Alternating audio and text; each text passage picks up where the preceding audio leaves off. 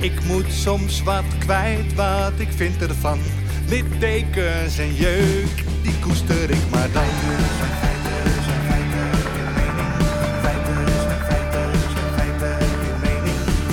Duidelijk en luid.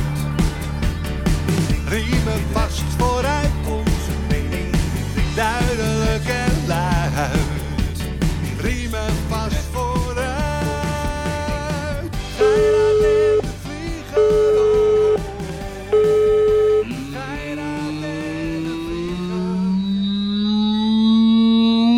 Bom dia, senhor Gairat. Mm, Molto bom dia, senhor Vlieger. Dennis Wiersma, ta ta ta. Dennis Wiersma, ta ta ta ta ta. I love Dennis Wiersma, I love Dennis Wiersma. Dennis Wiersma erkent overschrijdend gedrag. Minister ging alle grenzen te buiten. Ja, de minister van Onderwijs. Dat is Hij- precies wat ik... hij, hij lijkt een beetje, Erik, het is een soort kruising tussen Hugo de Jonge en Sjoerd Sjoersma. Maar het is jou- jouw nieuwe vriend, begrijp ik. Ik, ik ben, ik ben, ik, ik zal je vertellen, ik heb al een vacature vrijgemaakt in mijn bedrijf. Want ik wil Dennis Wiersma de leiding geven over ehm, alle leerlingen die ik aanneem in mijn bedrijf. Ik neem de laatste tijd heel veel jonge mensen aan die het vak leren. Nou, van de vijf vallen er vier af. Dames en heren, goedemorgen, goedemiddag, goedenavond. Neemt u vooral een glaasje wijn, een kopje koffie, een glaasje whisky, een glaasje water. Maakt niks uit. Geirat en ik gaan weer een mooie podcast maken. En Dennis Wiersma, dames en heren, onze minister van Je vergeet elke keer de troost gin. Die arme, arme, arme kapiteinen van, van Slagers Gin van Linschoten. Die hebben pijn, Erik, na de nederlaag van Feyenoord. Dus vergeet hun niet, hè. Ik ben het helemaal met je eens. En, en bij deze van Linschoten, Slagers Gin, mijn welgemeende excuses dat ik jullie in, in mijn enthousiasme vergeten ben. Ja. Want ik heb eindelijk een, een, een minister Ja. op, op mijn radar, Yves. Ja, echt, echt, Yves. Kijk, weet je wat het is? Die, heeft dan, die is dan te veel eis. Dat staat echt in een artikel, dames en heren. De minister is te veel eisend geweest tegen zijn ambtenaren. I mean, da fuck. Veel eisend. Die ambtenaren werken voor ons. Die hebben wij in dienst genomen omdat wij geen tijd hebben om de dingen te doen die zij voor ons moeten doen. Daar mogen ze 32 uur per week voor werken. Ze krijgen een heel ruim pensioen. Ze kunnen eerder afzwaaien, een mooie elektrische fiets kopen. En de minister van Onderwijs heeft gewoon misschien een keer zijn stem verheft. En die mensen vertelt dat ze fucking harder moeten gaan werken of beter moeten gaan werken. En die komt dan, die komt dan in de media en die wordt helemaal gesloopt. Omdat hij veel eisend is tegen zijn ambtenaren. Yves Geirat, Dennis Wiersma is mijn held, onze minister van Onderwijs. Wat denk je dat Lizzie Allen ervan vindt? Kom on, Dan. Deze is voor eh, kapitein de Vlieger en voor Dennis Wiersma. Ik ga straks uitleggen Look waarom. inside, look inside your tiny mind and look a bit harder. Cause we're so Je bent geen uninspired, Portugees. so sick Je and bent geen tired. Nederlander, Erik. Je of bent all geen the hatred you Amsterdammer. harbor. Je bent! So you say it's not okay to be gay. I think you're just verkeerde kant. You're just some Ik zeg racist. tegen alle can't tell kapiteinen, loop de. Polonaise en zeg it's allemaal not dit tegen Dennis Wiersma en kapitein de Vlieger.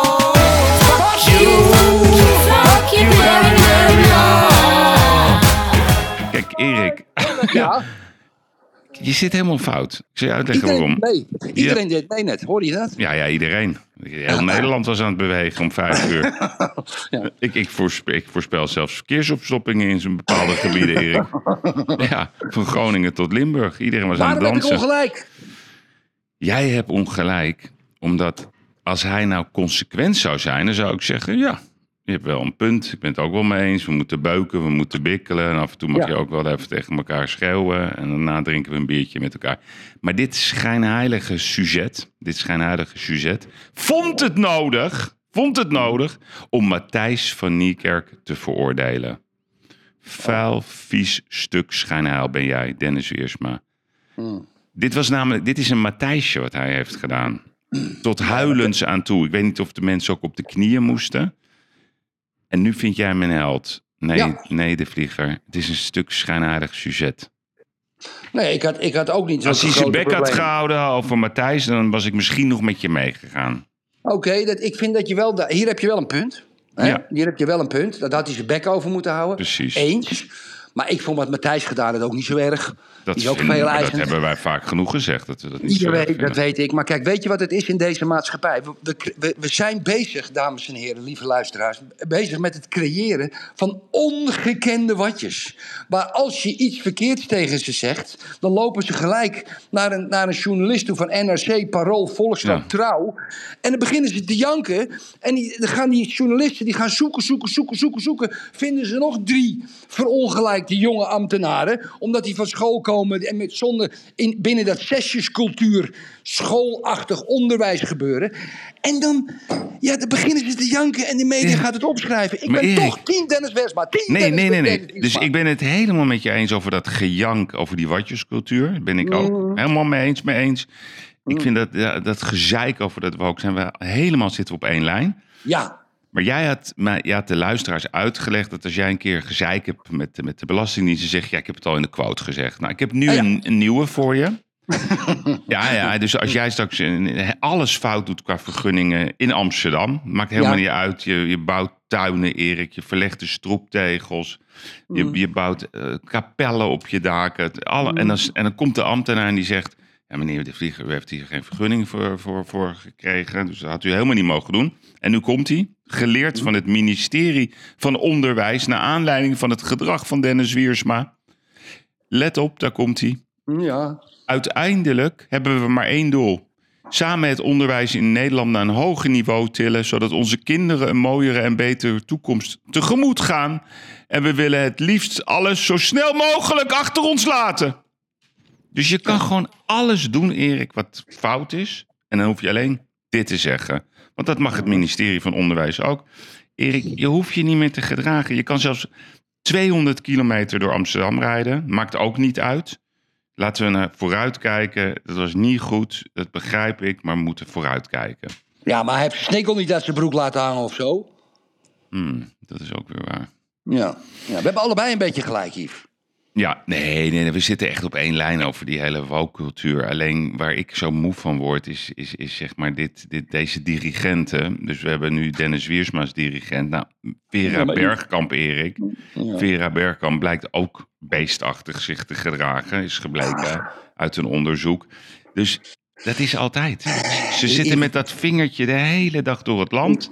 En ze zijn dezelfde grootste zonderaars. Je Ja, maar Yves, je mag geen eens tegen iemand zeggen van... Ik denk dat zo'n Vera Bergam of Dennis Wies... maar gewoon tegen een paar ambtenaren gezegd... Doe nou. De, je had me beloofd dat ik gisteren om vier uur dat, de- dat dossier zou krijgen. dan mag het je is nu morgen. Potverdorie mag ik Maar dat dossier Erik, nou? Kadisha Ariep is Ja, ervoor maar- opgeofferd. Ja, Ja, die deed, die deed, ja, nee, maar die deed, maar dat door dit soort mensen. Ja, maar Door dit Yves, soort denk- mensen die, die, die dat- nu toevallig betrapt zijn, Erik. Ze zijn toevallig betrapt. Ja, maar Yves, je mag geen eens een grote smoel tegen je personeel meer hebben. Wat Nee, is dat ja, voor van mij mag? Wat dat wel. Wel, doe maar, nu. Nee, hey, hey, Ja, hey, eh, hey, zeg maar, Claudia. Ja, Claudia is op vakantie. Oh, Ja, maar, maar Yves, mag ik even tussen, even, even, even nog iets? Ik, ik, ik, ik, ik heb gelezen deze week, dames en heren. Rudy Bauma gaat naar Amerika, onze factche- factchecker. Ja, nee, maar dat is breaking news. Ja, maar Rudy, Rudy, Rudy, Rudy factchecker, je know, op YouTube heb voor al die dingen. Hij is aan het factchecken, altijd, altijd, altijd op YouTube. Ik ga naar Rudy Bauma elke maandagochtend. Wat heeft Rudy Bauma nu voor, voor feiten gecheckt? En nu laat Rudy Bauma ons gewoon alleen en gaat naar Amerika. Ja, maar, jij, maar Erik, dat is breaking. Dat is het nieuws van de week. Ja, Er is geen, dit is het allergrootste nieuws. Rudy Bauma heeft een transfer gemaakt. Die gaat samen met Erik Mouthaan. Dat zijn toch onze twee star reporters die we hebben. Ja. Gro- gro- groter dan Erik Mouthaan. En Rudy Bauma is er niet. Is er niet. Die gaan alles veranderen in Amerika. Hij gaat, Zeker. hij gaat alles onderzoeken. Hij gaat samenwerken ook met die gasten die ehm, die rechtszaak hebben gewonnen tegen Fox News. Er zit Ja. 800 miljoen in de pot. Ja, zeven, ja, ja, ja, ja. Rudy Bauma is onze man. Dat is niveau Johan Cruijff, Erik. Ja. Mm. Dat is Rembrandt, Vincent van Gogh. Ah, Dus als jij over tien jaar in Amerika bent, where you from? En je zegt gewoon, I'm from the Netherlands. Dan zeggen ze, je weet wat ze dan zeggen. Rudy, Rudy Bauma. Bauma. Rudy Dus, Bauma. dus wij eren, vind ik, vandaag Rudy Bauma en Erik Ma- Mouthaan. En, Mm. en wat de Amerikanen nog niet weten, daar is een prachtig nummer voor geschreven. Prachtig. Het duo. Dit is het nieuwe duo. Oké. Boing, boing, Kokkie en Peppy. Peppy en Kokkie. Hopla eruit.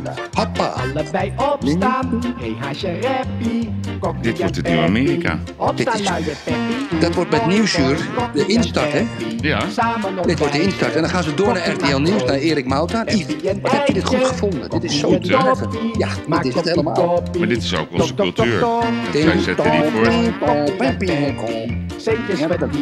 Leuk, Yves. De Leuk, hè? leuk, jongen. En dat deed- Nieuwsuur zo. En nu komt Rudy Bauma en dan gaan ze deze instart doen. Mhm. En ik, en ik eer ze, want ik weet van jou, dat weten de luisteraars niet. Jij hebt iets met de eenden, Erik. En ik wil je daar Ja. iets over vragen. Kijk, in, on- in onze tuin op kantoor hebben wij Ja. sinds een week twee, twee tamme eenden. Mhm. Hebben ze water? Eentje, eentje met een beetje heel mooie bruin-witte huid en de, met de, en, en de groene eend. Mhm. En die zijn heel gezellig. En, en als ik kom aanrijden, ik neem altijd wat te eten voor ze mee. Alleen, Wat neem je mee? Ja, precies. Goede vraag van jou. Want ik, ik ben gaan googlen. Dus ik Ja. gaf ze in eerste instantie gaf ik ze zo stukjes brood. Nee, ze, mag niet. Nee, vinden ze wel fantastisch. Dus Ja. die ene eend met die bruine huid... die ging eh eergisteren, kwam ik uit de auto... en hij kwam meteen naar me toe. En toen keek hij zo met zijn koppie naar de grond. Met andere woorden, waar is het brood? Mhm.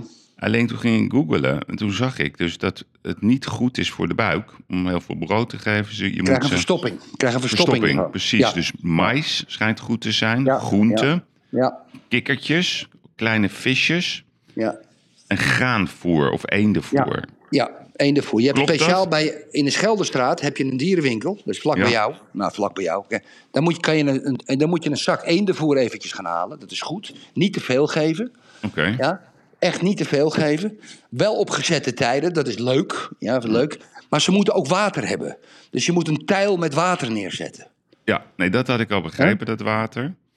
En ik, ik heb, wij wij noemen ze dus Peppy en Kokkie als, als, als, Ja. eer, als, als eerbetoon aan Rudy, Rudy en eh, Erik. ja, ja, ja. Rudy Rudy, en en Erik. Ja, maar ik noem ze Peppy. Ja, precies. Ja. Oké, Ja. dus, dus een tuil met water, Erik. En, en ik moet naar de Schelderstraat. Ja, en ik wil de luisteraars even het volgende meegeven. Jullie gaan naar YouTube en dan schrijf je op aan elkaar. Het is gezien. Eendenvlieger. Erik Vlieger. Het is gezien, Erik Vlieger. En dan zie je hoe ik mijn, met mijn eenden vroeger ben omgegaan. Eenden zijn leuk. Maar ja, precies. Maar geen, en ze worden vijf tot tien jaar. Mhm. Ze, ze zijn echt gezellig, Erik. Het zijn mijn nieuwe vrienden. Ja, maar is het een mannetje en een vrouwtje? Ja, een bruine en een groene. Ja, dan gaan ze wel bij je in de buurt. Gaan ze, eh, kijk, het probleem is, zo'n eend die, gaat, die, die wordt, wordt eh, bevrucht door het mannetje. Dan rot dat mannetje op, die komt nooit meer terug. Ja, volgend jaar als hij weer een beetje opgewonden is. En dan gaat het vrouwtje gaat eigenlijk drie weken, vier weken helemaal undercover. Die eet niet, die drinkt niet, die zie je niet. En als je die eend broedend vindt, dan denk je, oh, laat ik die eend wat te eten geven en er naartoe lopen. Niet doen, Niet doen, oké. niet, gewoon niet doen. Wat je doet, is je legt wat eendenvoer op vijf meter afstand. Je gaat weer weg. Je laat die een met rust als je hem vindt. Ja, broeder. En dan komt die s'nachts dat wel opeten. Zij komt dat s'nachts wel opeten. Want ze moet op dat nest blijven. Want die eenden moeten een stabiele temper, die eieren moeten een stabiele temperatuur hebben. Het schijnt ook nog eens een keer dat hoe warmer de eend is, dat het het geslacht van de eieren beïnvloedt. Oké, nee, dat is goed. Want ik had het aan ChatGPT gevraagd en die, die bevestigt een beetje jouw standpunt. Dus dat is goed om te weten. Zie je? Zie je? Ik heb verstand van de eenden. Ja, ja. Hoe Ja, gaat ja. het met de hoeren? Nou, kijk, ik heb jou gisteren een. eh, eh, ik heb natuurlijk een contact. Ja, dat is een soort bron. Die zit dicht. eh, ik heb altijd een goede bron gehad in de Stopera, dames en heren. Jullie weten nog dat ik de ruzie tussen Rutger Groot-Wassink en Femke Jesse Halsema- Klaver. Ja, en Jesse Jesse Klaver. Klaver ging bemiddelen hierin. Jesse Klaver ging bemiddelen. Dus Mhm. er heeft een gesprek plaatsgevonden. Daar heeft verder niemand wat mee gedaan of geen journalist het gevraagd. Dat maakt niet uit, want daar hebben we geen problemen mee. Dat hoeft ook niet. Echter, ehm, Ehm, ik heb een WOP-verzoek aan je gestuurd. Er is iets zwart gelakt waarin de gemeente, de ene ambtenaar tegen de andere ambtenaar zegt dat een bepaalde locatie ideaal zou zijn. Ja. En dat is zwart gelakt. En welke is dat? Ja, kijk, als je ziet wat zwart gelakt is, je moet even over nadenken, is dat qua locatie heel kort. Dus dat moet een heel kort woord zijn, Yves. Dat Dus is de het- raai. Nee, dat denk ik niet. Het is, nee, het is, want ik, als ik het goed lees, is een projectontwikkelaar eigenaar van het gebouw waar de gemeente eventueel dat hoerenpand in wil maken. En wat hoorde ik gisteravond vanuit de Tamtam? Het is een grote kans dat het Amsterdam Oost wordt. Nou, waar in Amsterdam Oost? En omdat er ook bij staat in het WOP-verzoek, dames en heren, dat het geen enkele overlast geeft aan de omgeving, moet het zijn op een van de kleine industrieterreintjes in Amsterdam Oost. Snap je wat ik bedoel? eh, ja, ja, ik snap het. Er staat namelijk, beste locatie is zwart gelakt. Ja, En er staat de wil locatie kopen en exploiteren. Ja. Dat, dat- is ook een rare zin. Beste locatie is, wil locatie. Dus dat, dat, dat vind ik raar. nou dat de eigenaar waarschijnlijk, eh, of, de, of, de, of de initiatiefnemer, die locatie dan ook wil kopen. Oh, dus en. Waarschijnlijk staat er nog En. het woordje en. Ja, precies. Beste locatie is. Hm, en dan en. Wil locatie kopen en herontwikkelen en exploiteren. Ja, Bereikbaarheid locatie is optimaal. ja. En omliggende functies zullen weinig bezwaar opleveren. precies. Dus het is een industrieterrein. Inpassing van functie met waarborgen reguliere bezoekers zal ondergronds. Wat staat er nou? Ondergronds worden ingepast. Tweede uitgang. Ingang moet tot de mogelijkheden behoren. Ondergronds. Dus het, het gebouw, naam van het gebouw, drie of vier letters. Daar moeten we achter komen. Volgende week weten we dat. En de Tamtam zegt dat het in Amsterdam Oost is. Dus er gaat in Oost geneukt worden. Richting Mekka.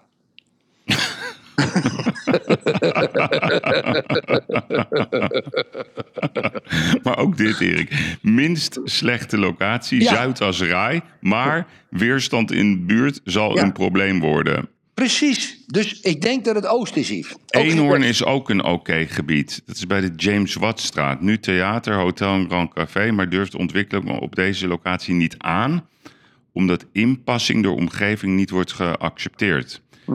Transformatie van de huidige eigen concept is niet denkbaar of inpasbaar. Maar ook dan, dat staat gewoon letterlijk, Erik Zuidas zal veel we- weerstand op eh, leveren. Maar Ja. we gaan het toch proberen. We gaan het toch proberen. Ja, ja. ja, ja. Ja, dus, dus nu heeft Femke eh, Zuid is tegen haar, Noord Mhm. is tegen haar, dus nu gaat ze naar Oost. Ik denk dat ze naar Oost gaat, Yves. Het is een wild guess. Maar Tam Tam zegt, ik, ik kan het niet definitief bevestigen. Maar dames en heren, wij hebben waarschijnlijk volgende week een adres waar u naartoe kan gaan. En ik wil ook nog iets anders zeggen. Dat, dat, ik heb daar zo'n hekel aan, Yves. Waarom, hè, over die hoeren, ja, waarom moeten dat gewoon altijd vrouwen zijn? Hè, dat wij mannen naar de hoeren komen. Waarom, in het kader van de inclusiviteit en de feministische gedachtegoed, komt er niet één etage met allemaal lekkere kerels?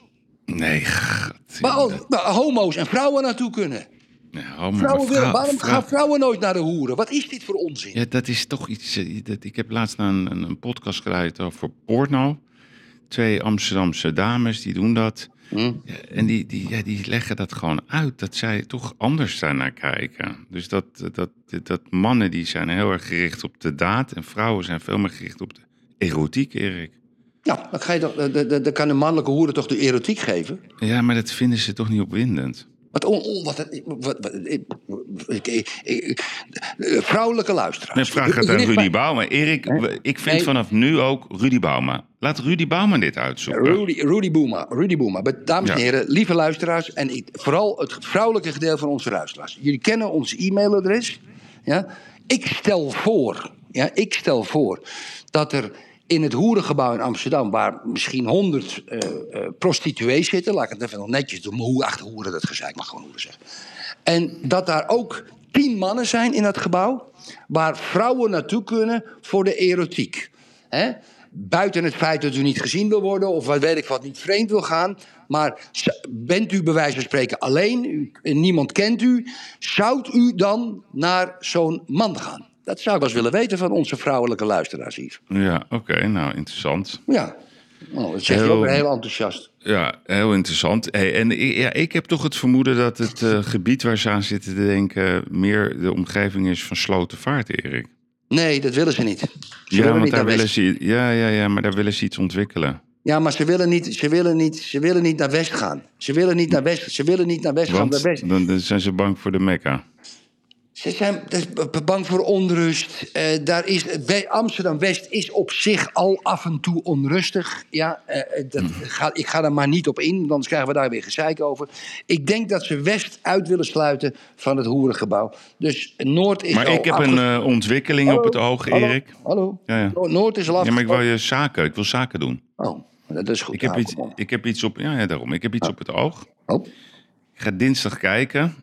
En dan bel ik je op. Ja, wat heb ik hier Kunnen we nou aan? kopen? Kunnen we kopen? Voor hoeveel? Ja, dat weet ik dinsdag. En dan bieden we het aan aan eh, Femke. We gaan Femke helpen. We gaan niet eh, Femke de hele tijd maar bashen. We gaan haar, haar helpen om dit enorme probleem... waar de hoeren van Amsterdam zich moeten vestigen... dat gaan we samen oplossen met haar. Oh, nee. Oké. Maar, ja, maar Yves, ja, als wij een pand kunnen kopen... Ik maak me echt een beetje zorgen over de prijzen van hoe het goed in Amsterdam is. Jezus, Erik. Ja, 25.000 euro de meter in Amsterdam-Zuid is tegenwoordig normaal. Maar ik Ja. heb, ik, je kan mij niet ontzeggen. Jij zegt dat ik geen verstand van hoe het goed heb Ik niet. heb Heb je, heb je niet. Heb je niet. jaren geleden gezegd. Zelfs bij BNR, acht jaar geleden. Mm. Wij gaan naar Londen prijzen. En wat is er aan de hand? Wij zijn bijna op het niveau van de buitenwijken van Londen. Oké, mag ik even de microfoon terug hebben, Yves, dan? Kijk, Yves, Nou, je hebt hem al de hele tijd, hè? dat is niet waar. Dat is niet waar. Het zit er eh, goed op 50-50. Ik heb zo'n tijdsklok. Eh, Claudia die houdt er thuis bij, want die zit ook met een scherm mee te kijken. Maar kijk, Yves, kijk, eh, het oorend goed in Amsterdam. Om te beginnen ehm, gaan alleen de prijzen in Zuid een beetje omhoog, maar in de rest van Amsterdam niet. Want er zit een stagnatie in de, in, in, in de prijs van de vierkante meters. Maar ik heb voor jou, omdat jij zoveel verstand hebt van oorend goed, zeker in Amsterdam, heb ik een paar quizvragen. Ja, Ja? leuk. Leuk, hè? Leuk, hè? Nou, oké. Hoeveel panden in Amsterdam, woningen, ja? hoeveel hebben een waarde van over de 1 miljoen? 1 op de 25. Nee, hoeveel?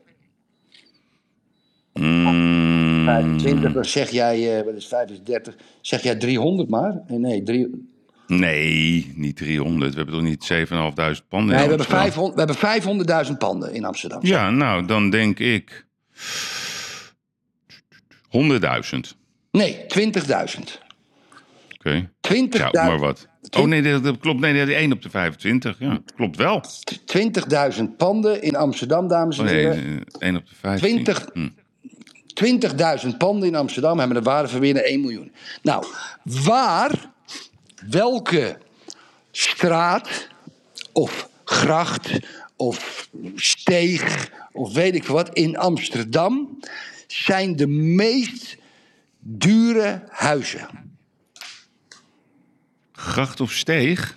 Eh, steeg, gracht, straat, laan, maakt niet uit. In welke, in welke straat, gracht, laan zijn de meeste dure huizen van Amsterdam? 600 Vondelpark. 600 stuks, kan ik je nu al vertellen. Nee, echt straat moet je zeggen. Vondelpark. Of straat? Of gracht. Ja, je zit wel die gracht een beetje. hè? Ja, ik zit met de pushen, dus ik heb een hint gegeven. Herengracht? Nee, Keizersgracht. Oh, dat is wel een enorm verschil. Ja, maar de Keizersgracht, vooral buitenkant, dat zijn eh, even nummers. Hebben ook gigantische tuinen, want dat is de laatste uitlegging in 1620 geweest. Ja, dat vind ik wel interessant. En weet je hoeveel panden in Nederland boven de 1 miljoen waard zijn? Dat is de laatste. Ja, 1 op de 25. Dus eh, ja. Ik kan Kijk, met jou geen quiz eh, doen, hè? Dat is niet te geloven, dames en heren. Ik kan gewoon een quiz doen Nee, met die ik, kan, ik kan niet eens na, na checken of dit allemaal waar is wat je zegt. Kijk, hier staat al. Maar zit de Google ook nog eens hier. Nee, hier staat Amsterdam Kroon met alleen al 578 miljoenen panden aan de Keizersgracht. Ja. De meeste op een kluitje staan in het Haagse Statenkwartier, waar 1400 woningen de magische grens zijn gepasseerd. In minstens 10 straten zelfs alle, zijn zelfs alle huizen meer dan een miljoen waard. En nu, nu is de quizvraag aan jou. Welke straat is dat Ja, in Nederland? Ja, quizvraag. eh Blaricum, ergens. Nee, de Konijnenlaan in Wassenaar. Ja, Daar is elk stulpje gemiddeld 3,3 miljoen waard. Ja, maar goed, ik vind het wel heel leuk dat je gewoon mijn hele, mijn hele item wegvaagt. Maar dat, prima. Ja, nee, want jij Heb dacht dat ik het niet wist. Maar ik heb het hier, ik deed net alsof het een beetje dom was. Een beetje Rudy ik heb hier, beetje Nee, maar ik heb nog meer vragen van jou. Oh, oh. Dus, dus wat, wat is, ehm, in welk segment, Erik, wordt er relatief slecht geïsoleerd? In welk segment? Ja, Huizensegment bedoel je? ja welke? Vrijstaande villa's. Ja, precies, een hoger segment. Ja, hoog segment. En, en, nu, en wat is de top 5 van Nederland met de meeste miljoenen woningen in 2022? Top 5. Blaricum, Blaricum, Bloemendaal, Wassenaar, Amsterdam, Apkoude. Nee, nee, nee. Eén Amsterdam, dus dat is helemaal juist. 20.100 woningen. Dan het gebied van Den Haag, dus dat is ook Wassenaar. Je zit gewoon op 10.900. 20.000 woningen. Ja, oké. Ja, Rotterdam op 3, dus vooral het gebied met Hilligersberg, 5.250. Dan Utrecht, Erik, Haarlem. En nu komt hij, ja let op, kapitein Gerrit heeft het goed gezien. Amstelveen op plek 6. Oké. Oké. Ja, dat is goed nieuws voor mij. Ja. Ehm, hey, Ja. ja. ja. Ja. kijk Yves, ehm, ik wil eventjes een, een heel serieus onderwerp nu verder met je bespreken. Misschien dat je me nu wel laat. Ja, Ja, maar ik, hè? We voelen het goed, hè? wat? We voelen ons goed. Nee, weet je, ja, dames en heren, Ja, het wel leuk om te zeggen. week. Ja, we hebben gisteren en, en, en vanochtend vroeg ook een paar keer.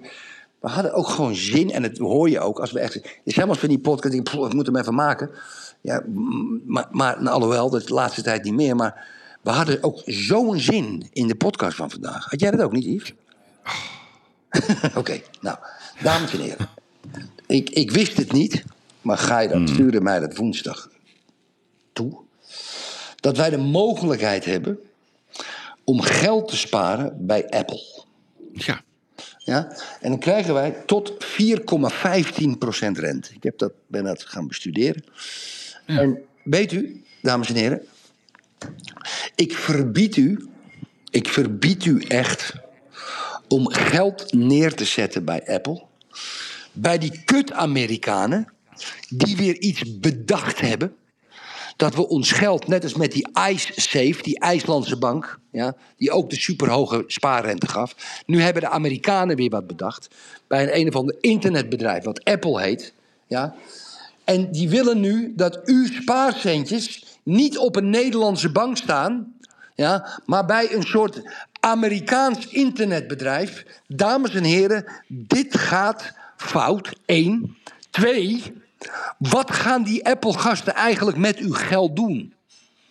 Want die doen dat niks voor niets. Want die Amerikanen hebben altijd het idee. Ja, want als 100 miljoen mensen hun spaarcentjes daar neerzetten, is het weer een miljardenconcern. En dan gaan ze weer met uw geld allerlei trucken uithalen, die Amerikanen. Het moet nu eens een keer over zijn met die Amerikanen. Die, die, die overal inbreken met de Airbnb's, de Ubers, de Microsoft. Die, afijn, jullie kennen het riedeltje wat ik af wil steken. Doe het niet. oké. Maar dan toch even twee vragen aan jou. Mhm. Vraag 1. je weet dat ze een garantie geven op alle deposito- deposito's tot en met 250.000 euro. Wie geeft dat? Wie geeft dat? Een, een of ander kutbedrijf? Nee, er zit een, de bankgarantie van de Amerikaanse Nee, je, overheid. je krijgt geen bankgarantie. Dat is niet waar. Ja, ik heb dat gelezen. Ja, nee, je, krijgt een, je, krijgt een, je krijgt een garantie van de Amerikaanse staat dat je verzekerd bent. Die ken ik allemaal wel in Tot, Amerika. tot 2,5 ton. Tot 2,5 ton. ja, maar ja, goed. dat was eh, Lehman Maar dan- Brothers ook. Lehman Brothers ook, wist je nog? Oké, maar, ja, ja, ja, ja, maar jij mag, Erik, jij mag die, die Amerikanen helemaal, helemaal kapot, kapot debatteren. Maar nu heb ik toch een vraag aan jou. Mm. Vind jij het normaal dat we tijdens corona, dat er elke maand gewoon geld van de rekening werd afgeschreven van onze creditsaldi, ja, door de bank, Mhm. terwijl zij negatieve rente kregen, negatieve rente, en even voor wie dat niet begrijpt, als de banken gingen lenen, bij wijze van spreken 10 miljard op de ka- kapitaalmarkt, kregen ze een negatieve rente van 0,5 procent. Dus dan werd hun lening ook nog eens lager, omdat ze een negatieve rente hadden. Ja. Maar ze pakten wel van alle, alle ondernemers met hoge creditsaldi en noem het allemaal op, elke maand gewoon een percentage van 1, 2 procent. Ja. Nou, nu is de markt ongeveer dat eh, gemiddeld. Wat is het? Hoeveel is Euribor op het moment? 4 procent? 2,1 procent, 2,2 Ja, maar met opslag. Ja, zeg maar 1,9 spread eroverheen. 4,0, 4,1. Ja. Nou. Wordt het niet eens tijd dat we gewoon een briefje krijgen van de Rabobank, de ABN AMRO, de ING? Goh, gewaardeerde cliënt, wat zijn we ontzettend blij met die. Uw saldo wordt op dit moment voor 2,5% gecrediteerd aan rente. Hm, Ja, ben, ja, ben ik met je eens. Nou, ik heb, ik heb dit briefje nog niet gehad, Erik. Nee, maar wat heeft dat met Apple te maken? Nou ja, de- jij, jij, zegt, jij zegt van ja, nee, niet met, eh, bij dit soort banken. Nou, ik denk dat ze de druk moeten voelen dat we het allemaal van plan zijn. Anders gaan ze nooit wat doen. Ja, we hebben in dit geval allebei gelijk. Maar ik wil toch Het dat is, je... wel, eerder- het is wel de dag van het wederzijdse gelijk, Erik. Ja, maar omdat je een ontwijkende beweging, een omtrekkende beweging maakt, Ivan, dat moet je niet doen. Weet je, dat, dat, dat- nee, Oké. nee, nee. nee, je maakt een omtrekkende beweging. Ik wil dat je bij, bij het punt blijft. Blijf- Ik vind het een gevaar. Ja, en Nee, ik wil dat je maar daar ben ik het. Nee, maar daar ben ik het wel mee eens. Amerikanen Ja, aan de andere kant van de plas opeens ons, o- o- o- hun hand op ons spaargeld kunnen leggen. Vind ik gewoon een gevaar. En ik weet niet wat er kan gebeuren, maar het, het zint me niet, Yves. Die Amerikanen zinnen me niet zakelijk. Oké. Wat vind je daarvan? Mogen Nee? Nee, nee, ik ben het wel met je eens. Alleen, Wel met eh, me eens? Ja, nee, tuurlijk ben ik het met je eens. Alleen ik vind Ah. wel dat die banken, dat als jij bijvoorbeeld, laat ik even gewoon een, Gaat hij weer? Gaat 1 hij weer over de miljoen, eh, nee, maar 1 miljoen hebben Je gaat uitstaan. weer over de banken, Yves. Doe nou Apple. Ja, nee, maar dat Ik vind het een gevaar. Ja. Ben je het eens of niet? ik ben het eens dat het een gevaar is. Dankjewel, dankjewel. Daar ben ik het over eens. Maar waar ik het niet, niet met je over eens ja, er moet druk worden uitgeoefend. Dat we bereid zijn, we zijn alle, we moeten de dead wish hebben. We zijn allemaal bereid om ons geld te Precies. verplaatsen. Precies, precies. En dan krijgen we misschien ook een fatsoenlijke rente. Mhm. hey, Erik. ehm, ja, jij stuurde me dat. Ik heb het niet gelezen, maar ik vond wel, eh, het, eh, wel een, een triggering bericht. Waarom geen nieuws als wit wit vermoord of Ja. zwart zwart vermoord of zwart wit vermoord? De Ja. NOS is een duivel. Leg eens even uit. Ja, ja, ja, ja, kijk. Ja, ja. Leuk dat je mij exacte bericht. Het is tot zover bronbescherming. Mijn exacte. Nee hoor, maar een grapje. Kijk, dames en heren. Weet u, weet u er, is, er is iets wat me niet lekker zit. Ja, er is iets wat me niet lekker zit. Dat zal ik u uitleggen. Ik, eh, dinsdag eh, om, om, om half zes ochtends, kop NOS, zwarte tiener die bij verkeerde deur stond, neergeschoten. Ja, een 84-jarige witte Amerikaanse man uit Kansas City. Waarom opeens de huidskleur? Waarom de huidskleur? Ja? Is aangeklaagd voor het neerschieten van een zwarte tiener bij zijn voordeur. De jongen had aangebeld of geklopt, maar was aan het verkeerde adres. Dus een 84-jarige man, er wordt niet gezegd of de man eh seniel was of bedreigd voelde of een geschiedenis heeft dat zijn huis is beroofd eh, in een bepaalde buurt. Dat wordt allemaal niet gezegd. Nee, de NOS die maakt een kop dat de 84-jarige witte man een zwarte jongen doodschiet. Nou, dames en heren, als u de lokale kranten nu op dit moment bekijkt in St. Louis, in, in, in, in Chicago, in, in, in, in Dallas, in, in, in, eh, je kan het, in, in Miami, eh, maakt niet uit welke, Philadelphia, welke steden je ook Je gaat gewoon op die website, dan zie je 10 tot 20 moorden ja, eh, per dag. Ja, waarbij een, een shooting tussen bendeleden. Twee donkere jongens om het leven gekomen. Witte man eh, eh, schiet twee donkere jongens dood. Vijf zwarte komen in gevecht met zeven andere zwarte. Drie zijn dood. Eh, andersom, zwarte man, witte man loopt op straat, wordt beroofd en in elkaar geslagen, man overlijdt. Ja? We hebben dus allerlei, interraciale moorden die in principe niets met racisme te, hebben, te maken hebben, Yves. Niets. Maar dan, moet er, dan is er een 84-jarige witte man die een donkere zwarte jongen doodschiet. Voor een reden, verschrikkelijk natuurlijk allemaal. Dat is een tiener, dat, wat, wat, wat, wat is dat? Dat is niet goed. En dat kopt de NOS dan. Ik vind de NOS vuile, vieze, smerige duivels. En ze ruien de, de Sylvana Simonses van deze wereld op. Want die pakt het art- artikel natuurlijk weer op social media. En die gaat dan zeggen... Kijk eens wat een vuile, vieze, nare witte mannen er bestaan. Want die schieten zomaar jonge zwarte tieners dood. Nou, dat opruien, die opnaaierij, ja, en dan kan de regering wel een, met Dylan Jezielkos wel een mooie nieuwe wet maken dat bepaalde maatschappelijke verschijnselen verboden moeten worden, ja, maar dit is een op, ja, op, opjuinerij van de NOS om zwart weer boos naar wit te laten kijken. Ik vind het walgelijke mensen van de NOS. Ik vind het slechte mensen. Hele slechte mensen. En dit, met dit soort artikelen, dan woekeren ze de onderlinge huidskleurhaat aan. En komen ze de polarisatie alleen maar, alleen maar accelereren. Walgelijke mensen. Ik ben het met je eens. Ja, walgelijk. Ik vond je aanloop eh, beetje, ik denk, nou gaat die nog komen? En daarna was het echt eh, gewoon een sprint op het niveau van Usain Bolt. Dank u. Maar je hebt gelijk. Ja, En je waarom? hebt een, ja, je hebt, kijk, je krijgt zelfs steun van de ex-hoofdredacteur van de NOS, die eh, van de week opeens duiken. Dat soort types duiken altijd op, hè, als ze er niet meer zitten. Oh ja, ja, de Dus, generaal. dus, ook. dus ook, ja, ook, ook de, de oude baas van Shell gaat met zijn dochter Ja, ja. eh, de wereld redden. En dan denk ik, ja. stort je pensioengeld even terug. Ja. Ja. Ja. stort het terug. ja. Alleen de oude baas van de NOS, die zegt letterlijk dat de NOS is geen democratisch mediabestelsel meer. Ze, ze, ze willen maar één geluid verkondigen. Ze zijn allesbehalve democratisch. Hè, hè, dacht ik. Ja. Hè, hè, eindelijk worden ze wakker. Ja. Maar wat, wat mij ook opvalt, als de NOS een bericht stuurt over bijvoorbeeld Rudy Bauma, dan staan wel de namen erbij van de adjunct of de, Ja. hoe heet het, de hoofdredacteur. Maar normaal zeggen ze altijd volgens de NOS. Dat is een hele zieke omgeving, Erik, Ziek, NOS. ziek, ziek. Volledig ziek. Ik ben het helemaal met je eens. Het is zo ziek. En die zijn daar. Ik, ik, ik zit me ook wel eens af te vragen als je daar op de redactievloer rondloopt. Ziek. Of ze daar dan bordjes hebben.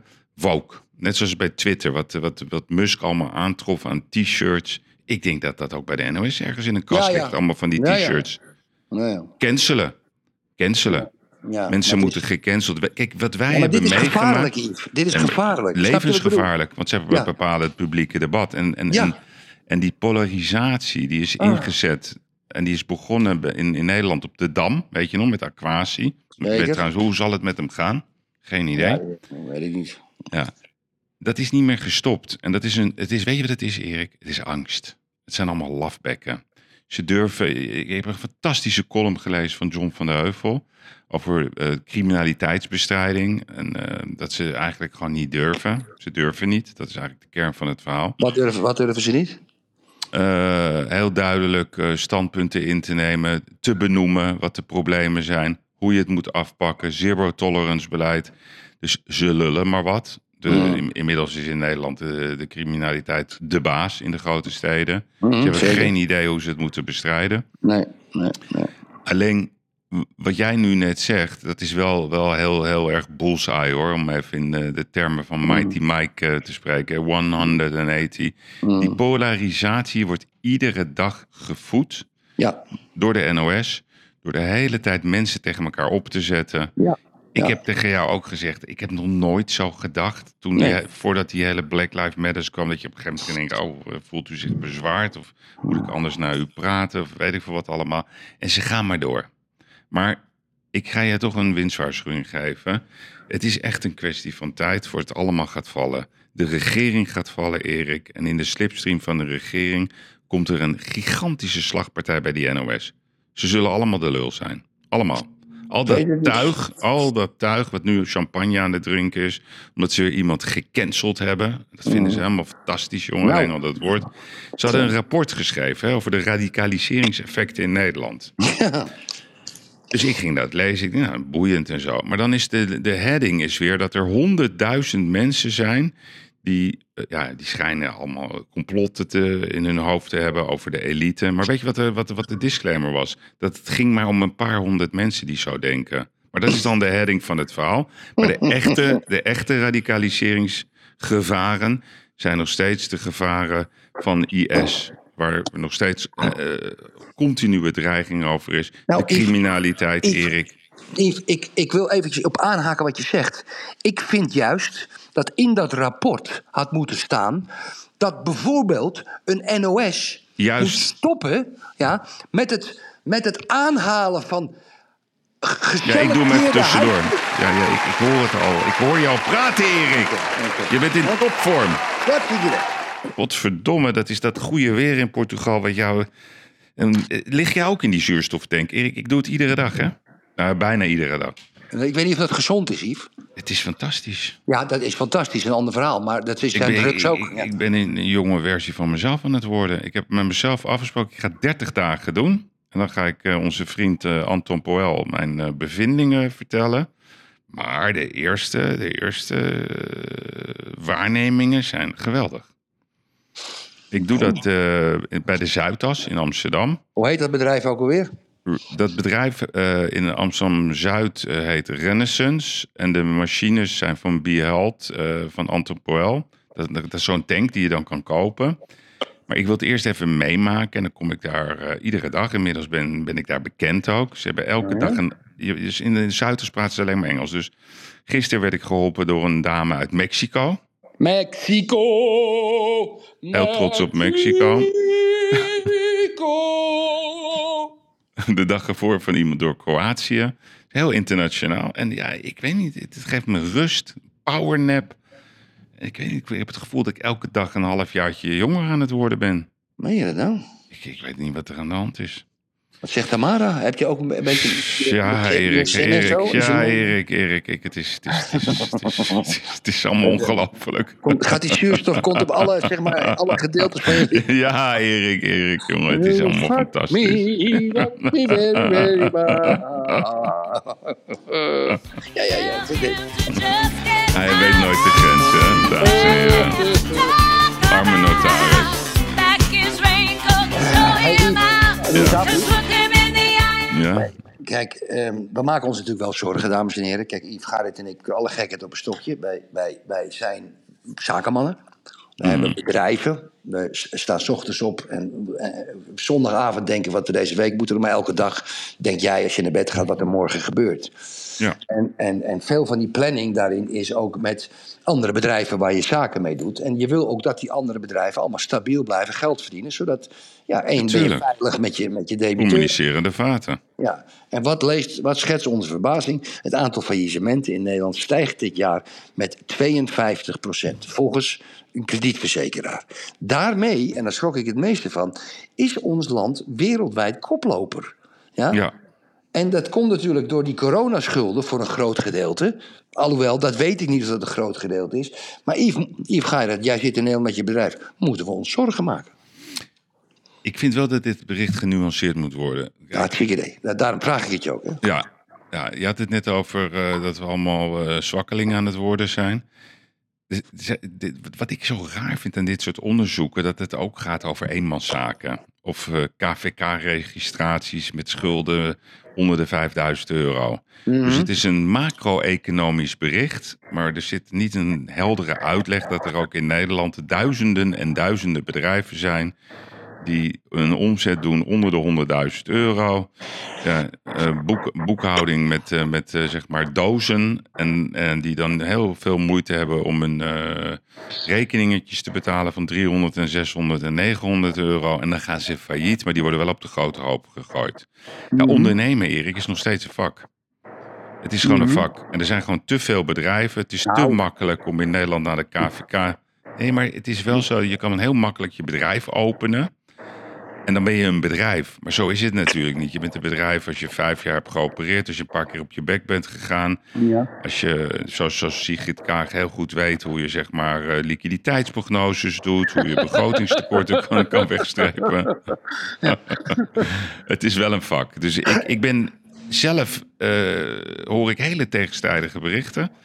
Eh, als ik met, met, de- met de jongens in de autobranche praat, Erik, het is niet aan te slepen. Nee. De, de, de, luxe markt, Erik, die explodeert op een manier die ze weerga niet kent. De onroerend goedmarkt blijft maar stijgen, stijgen en stijgen. Nou ja, ik, dan heb ik het nog niet eens over de supermarktcijfers. De cijfers van de, van de grote bedrijven. Maar daar ben ik het nog steeds niet mee eens, omdat die niet zich houden aan onze fiscale moraliteit, weet je, met al hun eh, trucjes. Maar er wordt heel veel geld verdiend, Erik. Niet normaal. Maar- Alleen, maar- ja. er is ook een groep, een grote groep, die heeft het hartstikke moeilijk. En dat is gewoon een, dat komt met name doordat de, de kosten van het normale leven zo belachelijk duur gemaakt zijn. Door Ja. alleen maar belastingverhogingen. Gaat er allemaal dooranalyseren wat je Maar- belasting betaalt voor je energie, Ja, voor je supermarkt, voor je benzine. Noem het allemaal op. Zeker, maar eh, in, dat, in hetzelfde artikel ehm, staat ook nog een zin die, die, die, die ik ook tegen je aan wil houden dan in dit geval. De kredietverzekeraar schrijft het sterke groei in Nederland toe aan de royale financiële coronasteun steun vanuit de overheid die nu terugbetaald moet worden. En sommige bedrijven kunnen dat niet. Ja, En de ook een Belastingdienst- nuance. De, de ja, Belastingdienst ja. heeft vele tienduizenden bedrijven een, laatste, een laatste aanmaning gestuurd. Hè? Ja, maar dan ga toch- Tienduizenden bedrijven, ja, Yves. ja, ja, maar dan ga ik ook hier een nuance maken. Ja, ja, graag. Ik vind dat het UWV eh, een wereldprestatie heeft geleverd tijdens die corona. Zij hebben, dat, is- dat was die TVL en die nauwregeling. Ze hebben het keer, voor het eerst hebben ze het omgedraaid. Dus ze hebben gezegd, we, we storten gewoon. We gaan uit van de goedheid van de ondernemer. Dat hij gewoon keurig eerlijke percentages qua omzetverlies meldt. Dat is, Erik, in 95% van de gevallen goed gegaan. Maar helaas zijn er ook eh, een groep ondernemers geweest. Die, die hebben niet eens het recht om zichzelf zo te noemen. Die weer valse percentages hebben eh, ingevuld. Die zijn gaan lopen pinnen, Erik. Die zijn gaan lopen schuiven. Ja, dat, is, dat, zijn, geen, dat zijn geen nette mensen. Oké. En, en die hebben dus niet betaald. Kijk, de overheid zei je mag gewoon eh eventjes je tax freezen als je dat wilde. Nou, dat was ook netjes. Dus ja, ik vind dit onderdeel, vind ik dat ze het best netjes hebben gedaan met de, met de bedrijven. Wat niet netjes was, is dat Hoekstra in 2020 zei ik heb hele diepe zakken. En hij de indruk wekte dat de overheid voor 100% die loon ging eh, compenseren. Nou, dat was gemiddeld 50%. Als je alle percentages ging doorberekenen, dat vond ik niet ver van hem. Maar per saldo heeft Nederland dat best netjes gedaan. Aan de andere kant, ze hebben het altijd over 80 miljard, maar er staat 20 miljard aan leningen in. Er zaten bepaalde bedragen in die helemaal niet eens zijn ingezet. Dus dat, dat viel wel mee. En het heeft ook gewoon de werkgelegenheid in stand gehouden. Want de mensen kregen gewoon 100% doorbetaald. En hun vakantiedagen idem dito. Dus het was een paradijs voor de mensen. Alleen er waren helaas ook weer een paar van die grijpgrage nep-ondernemers die het nodig vonden om niet correcte eh, percentages in te vullen. Dus ik vind die nuance moeten we wel maken. Oké. Oké. Ja, Goed zo. Nou, kunnen we een stapje naar China maken? Of vind je dat een beetje te vroeg in deze podcast? Alhoewel, we zijn alweer op de helft. wat vind jij trouwens het lekkerste? Als jij naar een Chinees gaat, wat bestel je dan? Ik bestel dan vaak de groenten. Ik vind de Chinese groenten lekker. Dus kool. Vooral in, in Portugal is kool kan je goed inkopen, maar in China zelf ook. En ik vind die, die groente die er een beetje in een soort dikke bouillon ligt, eh, niet te hard is doorgekookt, eh, uiterst smaakvol. Ik, ik bestel altijd veel groente en, en, en een beetje eh, rundvlees in oestersaus. Ja, oh, grappig. Dan kunnen we samen naar de Chinees. Ja, nou, dat hebben we God, mij bewaren. Dat is niet, niet te. Maar babi pangang en zo, en garnalen. Nee. Kijk, die, die Nee, garnalen ook komen- niet. Nee, die gaan in de vriezer. preventief. Kijk, die komen uit de vriezer. Kijk, ik, ik, in Portugal, dames en heren, heet dat waar je schelp- en schaaldieren kan kopen, een marisqueria. En dat is niet zomaar een vis, viswinkel. Daar, daar heb je dus allerlei schaaldieren, krabben, kreeften, eh, schelpjes, dingetjes, eh percebes, eenden, mosselen, eh, oesters. En, en, en ook garnalen. En die garnalen die moeten dezelfde dag gevangen zijn. En als je dan bij zo'n Chinees garnalen in, in, in weet ik veel zoetzure saus bestelt, dan is dat heel veel saus. Dus die, maar, die, maar, die, maar, die, maar die bite van die garnalen, als een garnaal ingevroren is geweest en je ontdooit hem en je kookt dan wel of bakt hem, ja, ik, ik, ik vind dat niet te vreten. En het, Snap je? Dus Mhm. Nee, ik ook een stuk Nee, brood nee, geeft. Lekker rundvlees met oestersaus, lekkere groenten, heerlijk. Ja, ik ben- ja. ja, nee, de Chinezen die, zijn, ehm, die die hebben een nieuwe tactiek. Dus op het moment dat eh, welk land ook in de wereld een, eh, kritisch rapport eh, formuleert over bedreigingen, dan, dan- ze doen een Poetintje. Hè? Ze zeggen nog net niet dat ze kernraketten op ons af gaan sturen. Nou ja, kijk, jij doelt natuurlijk op het artikel dat China fel uithaalt naar Nederland. Vanwege ons het- alarmerende AIVD-rapport. Onze AIVD, de Veiligheidsdienst. Ja, waar we het over hadden net. Ja, die heeft dus een heel, heel, heel, heel lastig rapport geschreven over China. Ja. Eh, waarop, die China. waarop China eigenlijk zegt: ja, wacht eens eventjes, jongens. En, eh, jullie zijn gewoon slaven van Amerika. Ja, Hmm. de, de, eh, nou goed, nou, moet, je, moet je kijken, Yves. Ik, een gevaarlijke uitspraak hè, van die Chinezen. ja, dat is Slaven. niet. Dat is het niet. Dat is het niet. Ja, maar de- Ah, ja, ja, ook voor de herstelbetaling. Ja, ja, voor de herstelbetalingen. nee, zo heb ik het nog eens gezien, Yves. Ja, nee, ik wel. Ja. ja, Ik denk, ik dat, ben heel scherp. ik ja. denk dat Sylvana Simons nu een rekening aan Xi Jinping gaat sturen. ja, dat denk ik ook. Weet Die je? zit binnenkort aan tafel ook bij Xi Jinping. Xi Jinping te onderhandelen. Ja, Ja. dat is een goeie van je, zeg. Nou ja, die heb ik eigenlijk nog niet gezien. Maar even, even voor de goede orde. Kijk, dames en heren, hoe ik het daarin zit, wil ik even graag vertellen. Kijk, ik vind natuurlijk ook dat het gebrek aan democratie in China en hoe ze met de Oeigoeren omgaan. eh, eh, eh, eh, wacht eventjes. Vanessa, Vanessa, Vanessa, Vanessa. I'm in the, I'm in the podcast. Erbij?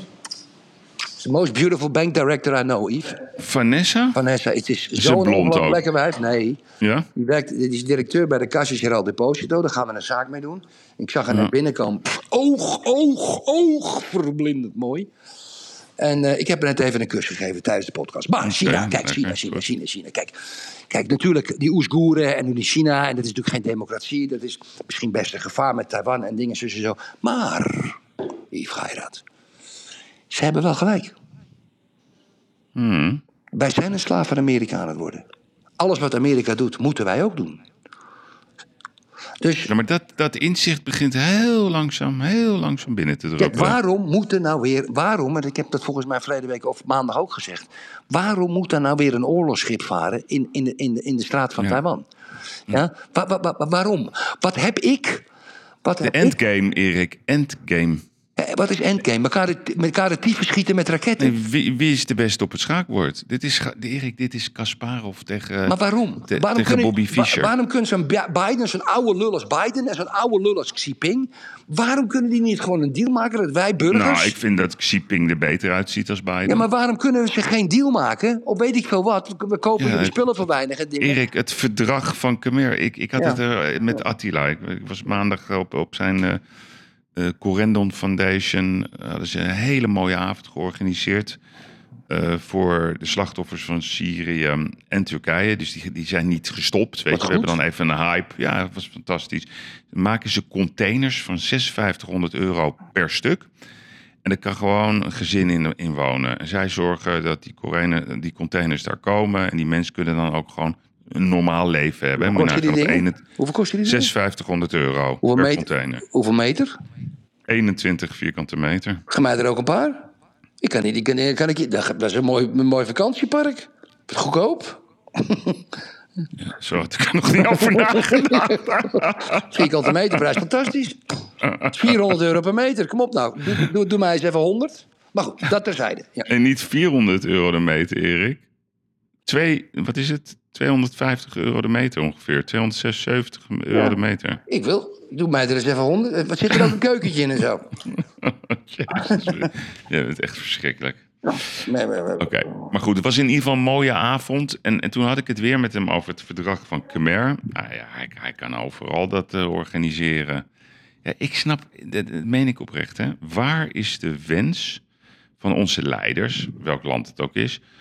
om gewoon weer normaal te doen? Gewoon een wijntje te drinken, een stukje vlees met elkaar te eten. Gewoon praten over vrede, over Mm. Ja. leuke dingen. Ja. Ze hebben het, alleen, het, het is alleen maar oorlog. Oorlog en schreeuwen. En dan gaat Rutte naast Zelensky zitten. En dan gaat het, wordt het uitgezonden. Hebben ze een gesprek.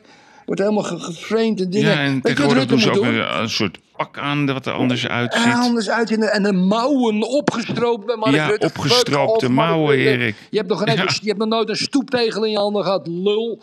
Maar goed, waarom belt, waarom belt hij niet Poetin op? Hé, hey, Vladimir. Houd toch eens op met die. Waarom belt hij niet gewoon Poetin op en zendt dat uit op televisie? In plaats van met Zelensky zitten. Weet je, dat snap ik allemaal wel. Ja, oh, you were so good and you went to the front and you're a hero. This and. Dat gezeik heb ik allemaal wel gezien. Het zijn allemaal lafaards. Bel lekker Poetin op. Ja? Nee, weet je wat ze moeten doen? Ze moeten die woordvoerder van het ministerie gewoon erbij halen. Dat ze naar voren willen kijken en wat er in het verleden is gebeurd, Ja. Erik. Ja, dat telt niet. We hebben maar één doel in Nederland. Is alles naar een hoger niveau eh, brengen. Zorgen dat onze kinderen een mooiere, betere toekomst Zeker. tegemoot gaan. Zeker. Laat ze dat eens op een tegeltje zetten, die gekken. Precies. Ze willen alleen maar oorlog, Erik. Alleen maar oorlog. Wat me op het volgende onderwerp brengt, lieve vriend. En daar heb ik goed over nagedacht. Kijk, ik heb de hele week, ik heb de hele week heb ik eh, Rob Jetten gevolgd. Rob Jetten, onze minister van, van Milieu. Die nu, en dat gaat er doorheen komen, eh door de biobrandstof bij de benzine wordt gevoerd, gaat de benzine weer omhoog. Voorts wil hij de BPM, dat is de belasting die je betaalt op de aankoop van een auto, wil hij verdubbelen. En heeft hij ook nog, dit is allemaal deze week hè, allemaal deze week gezegd. Ja. Ja, eh, oké, we willen een extra vliegtax op intercontinentale vluchten. Ja, nou, dus Ja. het enige wat we van Rob Jetten gehoord hebben deze week, Yves, als ik even mag, is hogere belasting, hogere lasten. Ja, dus iemand, het, het, het, het stucadoortje die zijn autootje hebt, moet nu nog meer betalen. Buiten zijn energie en zijn meer belasting en zijn hele flikkersap. Wordt gewoon genaaid. Toen dacht ik bij mezelf, hoe kan je, hoe kan je beleid uitvoeren en op hetzelfde moment zo gevoelloos zijn? Gevoelloos. En toen heb ik ook naar zijn gezicht gekeken en alle foto's op Google bekeken. Die man heeft altijd hetzelfde gezicht. Die ziet er altijd hetzelfde uit. Die is altijd hetzelfde. We hebben grapjes gemaakt dat het een robot is of een Thunderbird. Maar die man, die man, dat mannetje, is totaal gevoelloos. En toen ben ik gaan zoeken ja, wat, is, wat, wat de naam is. Wat heeft die man? Wat mankeert die man? En toen ben ik, Eureka genoeg, lieve vriend. Ik moet eventjes afmaken. Gekomen op het feit dat Rob Jetten lijdt aan alexithymie. Weet je wat het is? Nee, mooi dit. Alexithymie. Alexithymie, dat kan je opzoeken, dames en heren. Op Google. E A-L-E-X-I-T-H-Y-M-I-E. Nou. Alexithymie, en dat lees ik even voor, is een persoonlijkheidstrek gekenmerkt door moeilijkheden in het beschrijven en onderscheiden van gevoelens, een beperkt fantasieleven en een denken dat voornamelijk gericht is op de buitenwereld en minder op de innerlijke beleving. Ja, dat is alexithymie. Nou, hoe kunnen die problemen worden onderscheiden? Je hebt het problemen met het identificeren en het beschrijven en het omgaan met de eigen of andermans gevoelens. Ja? Ja. Nou, Rob Jetten lijdt aan alexithymie. Ja, en dat is levensgevaarlijk. Dus je hebt een totaal gevoelloos Hoe schrijf je dat? Wat is... A-L-E-X I-T-H Y-M-I-E. Oké. Ik vraag het ook even tegelijkertijd aan, eh aan Ah, ja. Ja, ja, ja. Goh, leuk, ja. Oh, hij doet het nu in het Engels. Dat is raar. En? Ik vraag het gewoon in het Nederlands. Ja, ja. Wat zegt hij in het Engels? Alexithymia is not a climate disorder, a clinical disorder in itself, but it's often associated with other conditions such as autism Ja, spectrum precies. disorder, post-traumatic stress disorder, dus PSD, depression and anxiety, dus nieuwsgierigheid. Ja, dat vind ik allemaal... Ja. It, it is estimated that about 10% of the population has some degree of alexithymia. Precies, precies. Precies. Maar het doet me ook een beetje denken aan, eh, aan, aan jouw analyse van, van, van Rutte, de psychopaat. Ja, maar met psychopaten, daar wil ik ook eventjes de microfoon op pakken. Kijk, er is een onderzoek geweest dat in de top van het bedrijfsleven... één op de vijf mensen een psychopaat is. Dat is net zoveel als in de gevangenissen. Dus, want, want we hebben onderzocht dat er steeds meer succesvolle psychopaten... in de top van het bedrijfsleven komen. Zie bijvoorbeeld Zuckerberg. Ja, dat is ook een psychopaat. Ja? En, maar- want een psychopaat, dames en heren, is een gevoelloos, extreem berekenend. En kunnen ook snoeihard zijn. En ze zijn uitstekend psychopaten in het uitspelen van mensen. En ze weten precies hoe ze een zin moeten krijgen. Dat, is, dat zijn psychopaten. Maar wat Rob Nee, Jette- dat- waar Rob Jette aan leidt, is iets heel anders. Dat is een gevoel, gevoelloos, ge- gevoelloosheid. Dat is een gevoel. Een totale... En ja, hij- ja. die zegt gewoon op televisie, ja, de benzine gaat met 5 cent omhoog en de Ja, ja, ja, totaal. Nee, maar En- dat en is hetzelfde als die voorleesjuf, die Christian van der Wal. Weet je nog? Dan ging ze dat briefje voorlezen met de stomme kop. Ja.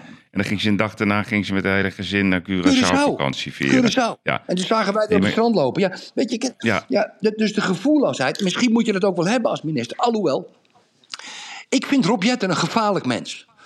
Ja, ik, en dan kan je zeggen, ja, maar dat is toch een jonge gast. Dat is helemaal niet gevaarlijk. Nee, nee, nee, nee, nee, nee. Geef een aap een geweer. Weet je waar hij mij aan doet denken? Eh, je had, vroeger had je Barbie en Ken. Dat zijn die twee poppen. En, Ja, en- ik was alleen bezig met Barbie, hoor. Nee, oké, jij was bezig met Barbie, maar je had ook Ken. En, en, en, en Oh, dan- ja? die kon je dan bij de Bart Smit halen. En dat was gewoon leuk. Die zag er een beetje Mhm. stoer uit. Ehm Rob Jetten komt bij mij over als een misdruk van Ken. Dus je, wat je ziet is vaak dat een bepaald percentage van de poppen die je dan op de markt brengt, die moet je weggooien. En ik heb het idee dat Rob Jetten een van die poppen was, die zeg maar, waar een fout in het productieproces eh, in was gemaakt. En die is alsnog op de markt gebracht. Mhm, mhm. Da- daar doet hij mij aan denken. Ken. Zo- Ken. Ken. Ja, dus Ken. K-E-N. Dus je had Barbie en Ken. Kijk maar Google maar op afbeeldingen. Kijk jij ook altijd onder het, onder het rokje van, van Barbie? Als klein jongetje, als ontluikend puberteit en zo? Nee, niet echt. Nee. Wel. Nee, nee, nee sorry. Oh, Zullen we een verrekijkertje doen? Leuk man, leuk, leuk, leuk, leuk. En dan kom ik straks nog even terug, Erik, op, Ken. op de CO2-strategie. Ah, De Verrekijker. Ik heb al een paar keer op deze prachtpodcast aangegeven dat er wat los is tussen de KNVB, Ajax, Feyenoord en PSV enerzijds en anderzijds de rest van de eredivisie onder aanvoering van AZ. Heet hangijzer is de oprichting van de NL League die tot doel heeft het betaald voetbal meer los te weken van de KNVB. En daar zit de huidige KNVB-top niet op te wachten. Die probeert dus te overleven. Vooral AZ heeft daar zo zijn eigen ideeën over en heeft aan de bond tekst en uitleg gevraagd over diverse curieuze beslissingen die er in vrij korte tijd genomen zijn. Bij de Alkmaarder bestaat sterk het vermoeden dat er wisselgeld aan Ajax, Feyenoord, PSV is betaald om het lijfsbehoud van directrice Marianne van Leeuwen en Co. te garanderen. Een opvallend incident speelt zich af rond de twee tegenstemmen van Ajax en Feyenoord tegen het met 16 stemmen voor aangenomen businessplan van de NL League. Ruim een jaar na dit 16 tegen 2 besluit heeft Jan de Jong, directeur van de Eredivisie CV, die de belangen van de 18 Eredivisieclubs behartigt, nog eens pad uitgevoerd. Sterker, er werd de clubs een door Ajax, Feyenoord en PSV opgesteld plan B aangeboden, dat overigens meteen van tafel werd geveegd. Daarin stond toch een sleutelrol voor de KVB omschreven, terwijl het juist de bedoeling is om deze klassieke organisatie meer buitenspel te zetten. Dusdanig dat Zeist geen beslissingsbevoegdheid meer heeft over een bedrijfstak waar het zelf formeel geen deel van uitmaakt. Verder is een van de speerpunten van de NL League om de Eredivisie als geheel op te waarderen. Dus meer concurrentie voor Ajax, Feyenoord en PSV. Inmiddels hebben AZ en Co. een ijzersterke troef in handen gekregen, namelijk de tweede Champions League ticket voor Nederland in 2024. Dat is niet dankzij alleen Ajax, Feyenoord en PSV, maar juist door de andere clubs en dan AZ in het bijzonder. Daardoor heeft Nederland op de UEFA-ranking de zesde plaats van Portugal overgenomen, die recht geeft op twee deelnemers, terwijl de nummer drie van de Eredivisie zich voor de voorronde van de Champions League plaatst. Wie naar de huidige UEFA clubranking kijkt, ziet dat Ajax op de 12e positie staat. Feyenoord is 34e, maar AZ staat als nummer 37, drie plaatsen voor PSV. In dit klassement, dat vijf seizoenen Europees voetbal beslaat, blijven FC Twente, Vitesse, Willem II en FC Utrecht ver achter op de, op de posities 123 tot en met 126. Kortom, dankzij de 44.500 punten die AZ tussen 2019 en 2023 heeft gescoord, is het Nederland gelukt om Portugal te passeren. Zonder de inbreng van deze vierde eredivisionist had ons land naar die tweede Champions League ticket kunnen fluiten.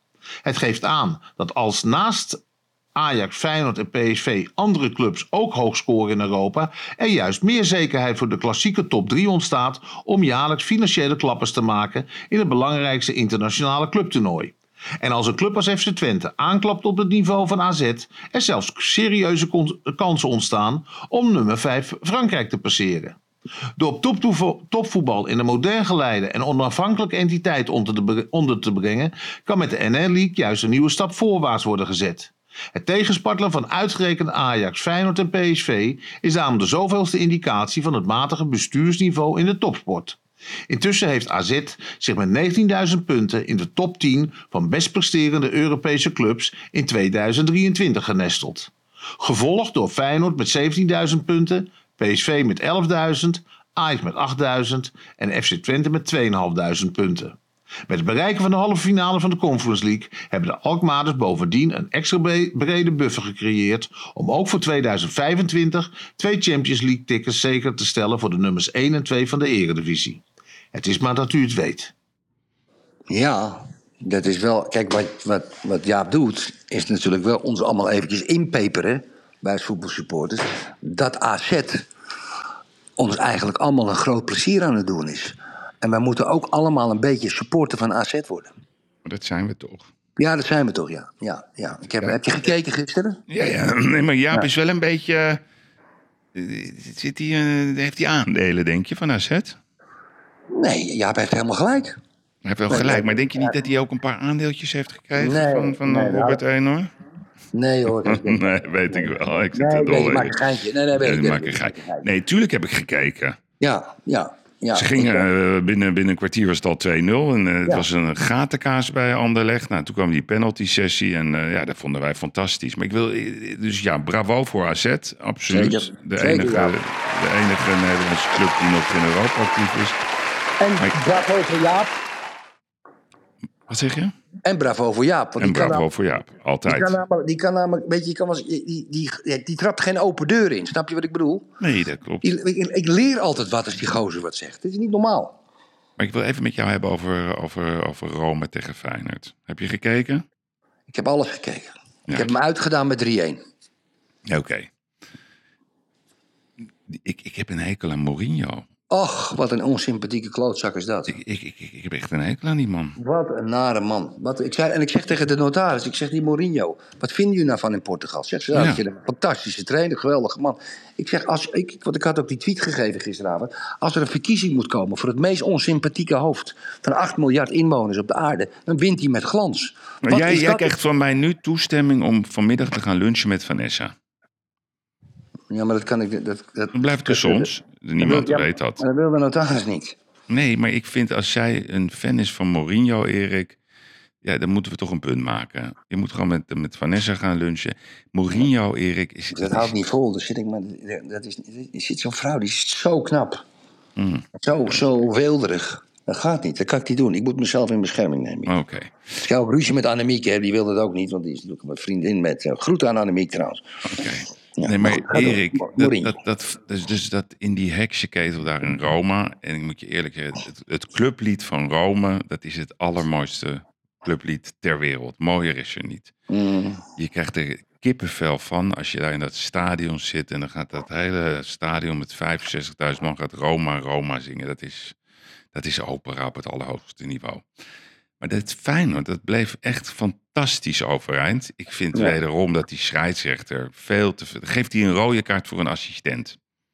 Ik weet niet of je gezien hebt wat die assistent deed. Hè? Die ging, die, ging die, die... Wie was het? Kokshoe die die pakte? ja. Dat was toch niet normaal wat er gebeurde? Nee, maar, maar, maar die Nee, ik scheidsrechter... vond het abnormaal. Dan geeft hij rood, maar daar heb je helemaal niks aan. Dus zo'n assistent wordt dan weggestuurd. Nou, so what? Die penalty vond ik gewoon een penalty. Die zouden Ja. moeten krijgen. Want Upamecano, die kreeg wel, wel een eh, penalty tegen bij, bij Bayern tegen City. Die ging er omdraaiend in. Nou, dit vond ik eigenlijk... Die arm ging gewoon heel duidelijk naar de bal. Nee, maar dan zeggen ze nee, dat ging eerst tegen het hoofd. Nou, die begrijp ik niet. Maar nu komt hij, dan maken ze toch 1-1. En waarom, Erik, en dat snap ik niet van John de Wolf, want die snapt dat, die moet dat snappen. Waarom ging Feyenoord niet in de 88ste minuut de hele tijd lopen janken, op de grond liggen, spierblessures simuleren, gewoon half doodvallen, irriteren? Ja, zo, zo, dat willen wij niet om de een of andere. En dan krijgen we altijd, gaan alle voetbalanalisten gaan, gaan dan. Gaan dan, gaan dan Ajax doet het wel hoor. Ajax doet het Ja, wel. Anthony deed dat. Ja, en, Maar je eh, Tadic moet- ook. Ja, je moet dat doen. Dan hadden ze gewonnen. Ja. Ze hadden gewoon, ze hadden de buit in de tas. Ze Ja. hadden de drie, ze hadden gewoon de, de halve finale. Ja. Ze hadden, hadden ze gewoon in de koffer. Ze konden naar Leverkusen. Ze hadden het in de hand. En dan moet je op zo'n moment moet één iemand zeggen: we gaan vanaf nu gaan we janken. Ja.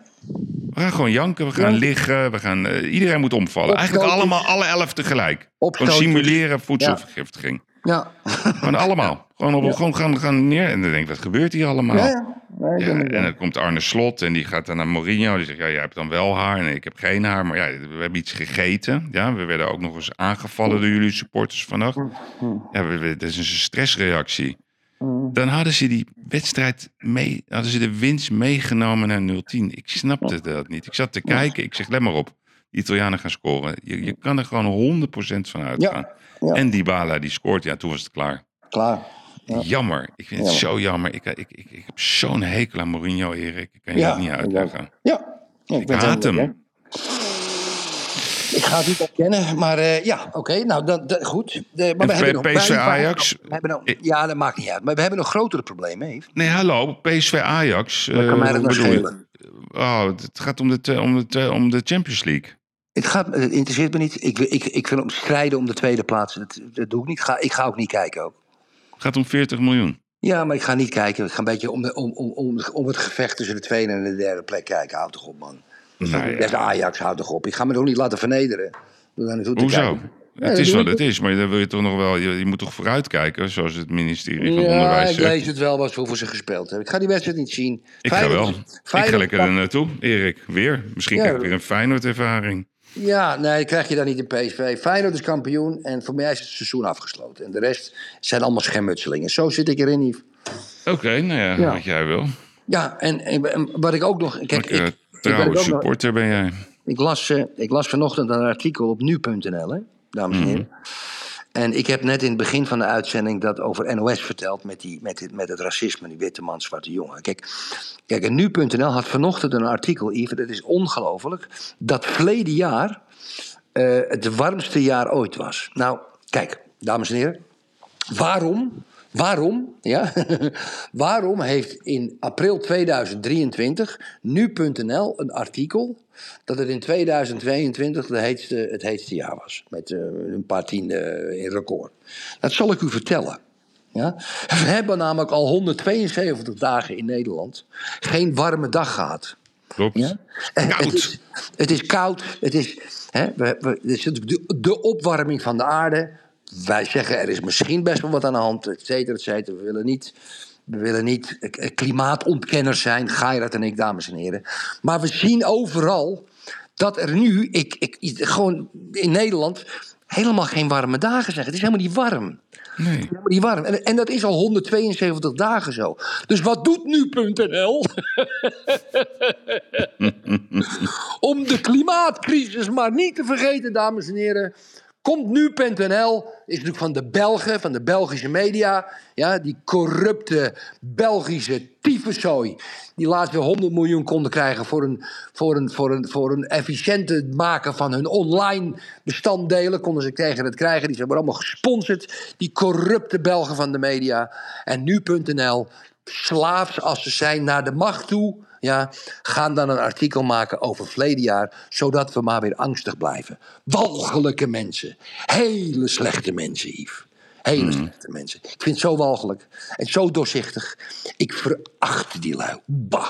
Maar wat ik ook leuk vind van dat weer, Nou. dat zijn altijd aparte mensen geweest. Hè? Die, die, die, die, die, die, die in die weermodellen stappen. Ik heb jou wel eens verteld dat ik in de negentiger jaren verkocht ik weerkaarten van het Engelse Ja. ministerie van. Defensie, van de Ja, Met ik. Office. Ja, leuk. Ja, ja. ja. Dat was fantastisch, joh. Erik. Ik weet nog Leg, dat het ik nou bij- even nog, leg dat nou nog eens één keer uit. Ik denk dat heel veel luisteraars dat niet kennen, dat verhaal. Het is zo mooi, zo beknopt mogelijk. Het is een mooi verhaal. Ja, oké, heel compact. Dus, dus eh, begin 90 jaar had ik een samenwerking met de Roslin Group in Engeland. Dat was van Meyer Spoongen. Die zag er ook uit echt als een, als een Meyer Spoongen. Een Sputnik-professor met een mooie baard. En ik hou heel erg van marktonderzoek. Ik was ook heel goed in statistiek vroeger. Ja, maar hou je nou eens bij die kaarten. Ja, nee, maar dat moet ik uitleggen. Dus, dus, dus ik werd toen benaderd door die Rosling Group. Die zegt, ja, de Met Office wil in Nederland de markt op. Maar dat kon niet, want het was van het KNMI. Maar er was een wet dat het wel kon. En zij hadden een model bedacht, een softwaremodel. Dat je aan de hand van dat softwarepakket... kon je aan de hand van de voorspellingen van de Met Office... op basis van een tiendaagse formule... kijken wat voor invloed dat had op jouw logistieke processen en op je omzet. Dus, heel simpel, de temperatuur gaat naar beneden met 4%, of eh, met 4 graden. Hoeveel soeplikken verkoop je dan meer? Ja, Snap je dat? En rookworst. Of het wordt, Ja, snap Ja. ik wel. hoor. Zo'n idioot Ja. ben ik ook weer niet. oké, of, of twee graden warmer, Erik, verkoop je meer ijsjes. Ja, dus dat hadden zij fantastisch eh, ontwikkeld. En ik had mijn, wat ben je aan het doen? Zit je op een, eh, op een trein? Ja, ik, ik, ik, stond even buiten een sigaretje, toen kwam er een tractor voorbij. maar ik ben alweer binnen. dat is wel grappig, ja. Maar broodje light. Vanessa zit er Hey. nog, hè? Vanessa zit er nog, hè? De andere kant. Ja. Loop eens naar de toe dan. Nee, nee, nee, nee, nee, nee. Het gaat om geld. Het zit met een financiële man en... Ja, nee, dus, dus, dus, dus ik had voor hun die lancering in, in Nederland geregeld. En het was zo goed ontvangen. Dat zij mij vroegen, ja, wil je ook het agentschap hebben voor de Benelux? ja, dat wilde je wel natuurlijk. Nou ja, dus ik zei, ja, ik moet even over nadenken. Ja. Hij gaat En toen, ja, nee, maar goed, ik, ik, ik zei, nou ja, oké, ik heb iemand. En toen had ik mijn vader daarvoor aangemerkt. Ik zeg, mijn vader wordt agent, is de beste man die er is. En die had natuurlijk al vijf jaar lang zat hij in een depressie. Met Jij denkt misschien dat hij, je wilde hem weer aan het werk krijgen. Ik wilde hem weer aan het werk krijgen, Erik. Hij was de hele dag wiskundeformules aan het maken. Dat is wel grappig dit hoor hier. Nee, maar nu, dit is zo grappig. Dus, dus, dus ik zei, ja, ik heb het allerbeste, maar ik weet niet of u het wil. Dus een soort mededeling. Dus ik zei, doe eens een bot. Nou, dus ik kreeg een belachelijk bot. Ik zei, oh, nou ja, ik ga het overleggen. Ik denk, wat, dit, dit lijkt wel of eh, de Postcode Loterij was langsgekomen. Dus ik maak dat contract. En het enige wat wij moesten doen, of mijn vader, die moest afspraken maken bij multinationals. Bij GasUnie, Erik, bij Unilever. En bij Interbrew in België, in het Belgische Spa. En die mensen die namen dan een contract van de, dat Engelse bedrijf. Dat heette de Met Office. Ja. En dan kocht je dus een softwarepakket met die weermodellen. Maar dat ging echt om, om, om bedrag hoor. Ja, ja. Nou, dus eh, iedereen was enthousiast. En toen gingen wij met z'n tweeën naar Spa, naar het hoofdkantoor van Interbrew. En luisteraars, Interbrew is, is Heineken. Is groter? Ja. Ja, dat is niet normaal. Nee. Dus wij waren uitgenodigd op een kasteel. En ik weet het nog precies als de dag van gisteren. Kom daar aan op dat kasteel ergens in Spa. Witte lakens, Erik. Een tafel, zo lang heb ik hem nog nooit in mijn hele leven gezien. Zilver bestek. Ja, met je Er vader. Ja, ja, zevende, tiende eeuwse kunst aan, aan, aan de wanden. En die Belgen, die, die, dat was een erebezoek. Gewoon, ja, zo gaat dat. En je lunch en zo. En het was een dan deal. Dus wij zitten daar aan tafel. En eh, een beetje zo praten. Eh, mijn moeder is Belgisch. Nou ja, voetbal, eh, economie, weet ik veel wat. En een, ik denk na een half uur, drie kwartier, zegt mijn vader, ja, ik heb jullie jaarrekening bekeken. Maar er klopt helemaal geen reet van. ik denk, nee hè. Dus, dus, dus die gaat die jaarrekening van die Belgen, die daar allemaal... Dus iedereen was er, CEO, CFO, aandeelhouders. Dus die gaat er een heel betoog houden dat de jaarrekening van de Belgen niet klopt. Dus ik geef hem een schop onder tafel, Ja. maar echt vrij hard. Dus hij zegt dan ook, ja waarom schop je mij? Die Belgen die keken aan. Ik zeg, nou ja, eh, ik zeg, eh het was per ongeluk. Dus ik zeg, nou, laten we het even hebben over... Nee, nee, hij zegt, ik wil nog even mijn punt maken. Nou Erik, dat duurde anderhalf uur. Deal weg. En toen zeggen de Belgen, nou ja, heel erg dank voor uw komst. En eh, we vinden het, heel- ja, we laten u het weten. Dus we zitten in de auto. En mijn vader zegt, wat een goed gesprek was dit. Hè? nou ja, dat was mijn ervaring op het gebied van weer. Maar wat ik wel nog steeds vind, weer is grillig. Ja, ja. Dat is niet te beïnvloeden. Wij denken dat we de natuur, dat we daarmee kunnen debatteren. Nee, dat we de, dat kan niet. Kan niet, joh. Het is onvoorspelbaar. Ja. Ik vind dat je wel vervuiling moet aanpakken en dat je bepaalde uitstoot moet aanpakken. Maar dat is een hele andere discussie. Yves, eind 60 jaren was, zou de olievoorraad in 30 jaar op zijn. In de 70 jaren zouden we een ice age krijgen binnen 10 jaar. Ja, In de klopt. 80 jaren zou de zure regen al onze oogsten eh, eh, kapot maken. In de 90 jaren ja, zou de ozonlaag, het gat in de ozonlaag, zou ons allemaal Ja, doen verbranden. weet je nog? Ja. Ja. En in 2000 ja, zou de Noordpool en de Zuidpool verdwijnen. En wat is er gebeurd? Er is niks gebeurd. We hebben alleen maar hogere belastingen gekregen. Ja, want dat is heel leuk. Ik heb een, eh, de NOS, daar hebben, hebben we ze weer. Die hebben een filmpje gemaakt, Erik. Over de toekomst van het betalen van CO2. Dat duurt twee minuten, maar het is toch goed om daar even naar te luisteren. Jezus, Mina. Betalen voor de broeikasgassen die je uitstoot. Dat is Fit for 55, Nieuwe het klimaatpakket van de Europese Unie in een notendop. Te beginnen met ETS, het al langer bestaande emissiehandelssysteem gericht op de Europese zware industrie.